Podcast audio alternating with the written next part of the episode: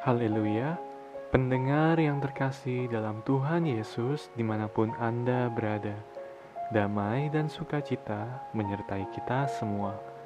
Renungan Sau bagi jiwa yang disajikan Gereja Yesus Sejati berjudul Sahabat. Dalam nama Tuhan Yesus membacakan renungan firman Tuhan. Ada teman yang mendatangkan kecelakaan, tetapi ada juga sahabat yang lebih karib daripada seorang saudara. Amsal 18 ayat 24 Di Kanada, pada waktu musim dingin, seluruh permukaan tanah maupun udara menjadi dingin dan membeku. Akibatnya, banyak rumah menyalakan alat pemanas dan perapian – untuk menghangatkan ruangan.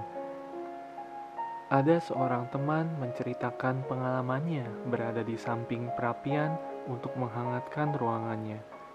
Dia mengatakan bahwa pada waktu melihat ruang tamunya, dia membayangkan dirinya duduk sendirian di samping perapian, sedangkan di luar turun salju yang menutupi langit dan bumi. Keadaan itu menampilkan suasana hening mencekam. Hatinya menjadi sangat sedih dan tanpa sadar dia menitikan air mata. Perasaan seseorang sering dipengaruhi oleh cuaca, keadaan hati, kesehatan tubuh, dan lainnya. Hujan salju, awan mendung, penyakit, kematian anggota keluarga, kehilangan pekerjaan, dan sebagainya dapat mempengaruhi perasaan kita, sehingga kita merasakan dunia ini kelabu dan tidak ada pengharapan. Tetapi, saudara-saudari yang kekasih, saya mau berbagi. Bila engkau mengenal Tuhan yang benar, pengaruh suasana dan keadaan yang menimbulkan rasa sepi dan sedih itu akan sangat berkurang karena di antara langit dan bumi, Tuhan yang tidak kelihatan itu selalu mengelilingi engkau, walaupun tidak ada orang di dekatmu.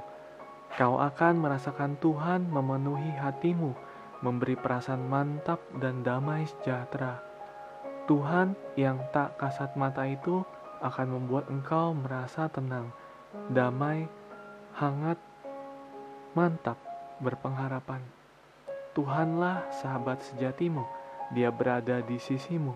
Sekalipun engkau dirundung hal-hal yang menyedihkan membuat engkau menangis, dia akan membuat engkau bersuka cita.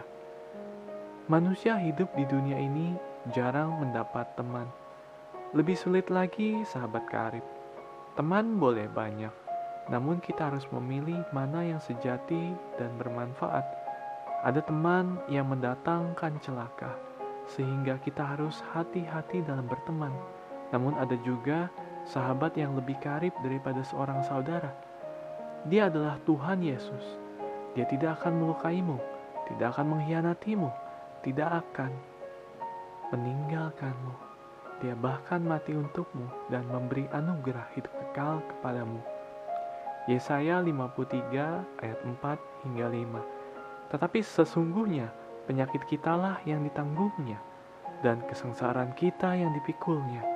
Padahal kita mengira dia kena tulah, dipukul dan ditindas Allah, tetapi dia tertikam oleh karena pemberontakan kita. Dia diremukan oleh karena kejahatan kita. Ganjaran yang mendatangkan keselamatan bagi kita ditimpakan kepadanya, dan oleh bilur-bilurnya kita menjadi sembuh.